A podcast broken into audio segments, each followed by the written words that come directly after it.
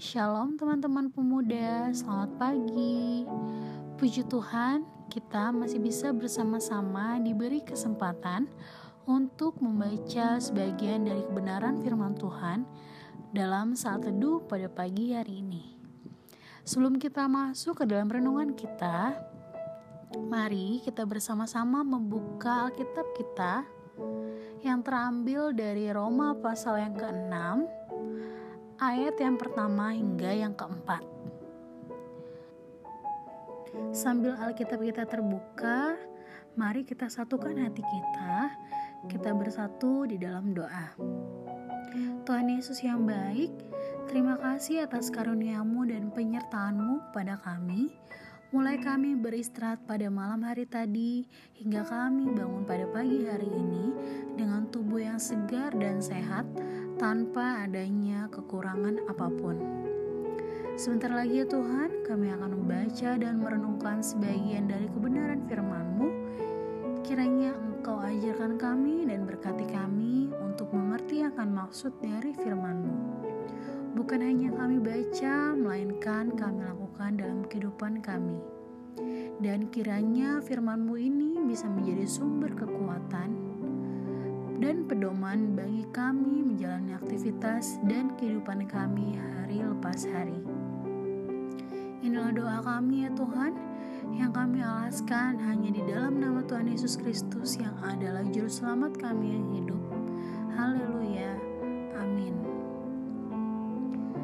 Teman-teman, saat teduh pada pagi hari ini diambil dari Roma pasal yang ke-6 ayat yang pertama hingga yang keempat yang menyatakan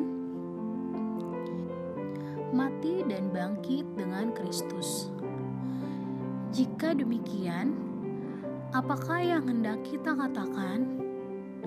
Bolehkah kita bertekun dalam dosa supaya semakin bertambah kasih karunia itu? Sekali-kali tidak. Bukankah kita telah mati bagi dosa? Bagaimanakah kita masih dapat hidup di dalamnya? Atau tidak tahukah kamu bahwa kita semua yang telah dibaptis dalam Kristus telah dibaptis dalam kematiannya? Dengan demikian, kita telah dikuburkan bersama-sama dengan Dia oleh baptisan dalam kematian, supaya sama seperti Kristus yang telah dibangkitkan dari antara orang mati oleh kemuliaan Bapa. Demikian juga kita akan hidup dalam hidup yang baru. Demikianlah firman Tuhan. Teman-teman yang terkasih, tema kita pada saat teduh pagi hari ini adalah Anda pengikut Yesus. Berubahlah.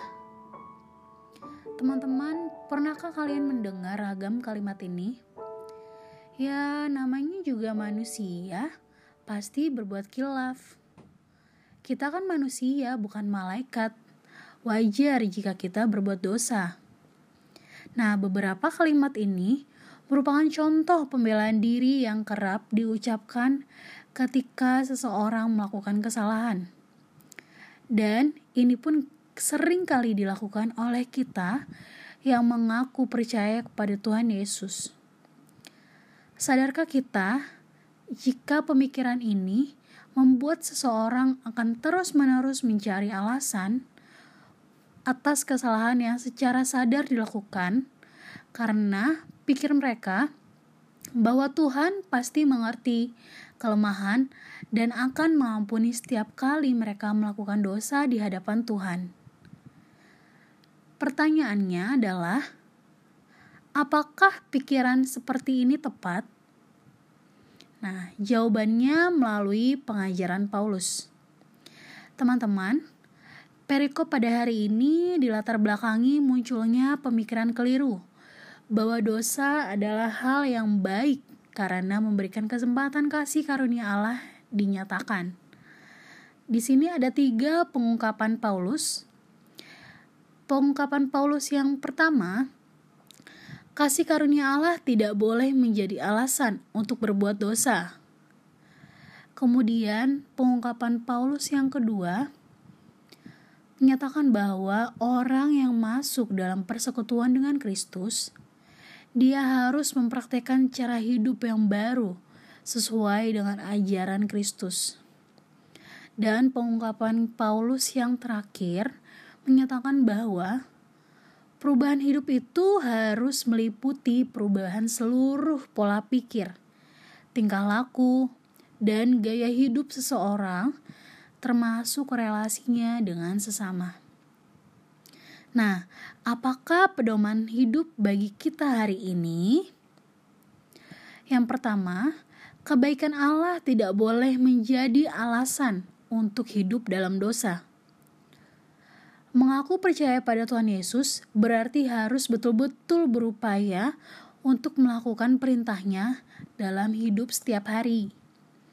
Dan yang kedua, hidup baru itu berarti berubah bukan hanya penampilan luar seperti aksesoris yang dipakai, foto profil di status Instagram atau WhatsApp yang terlihat rohani, atau bahkan status TikTok yang berbau Alkitab.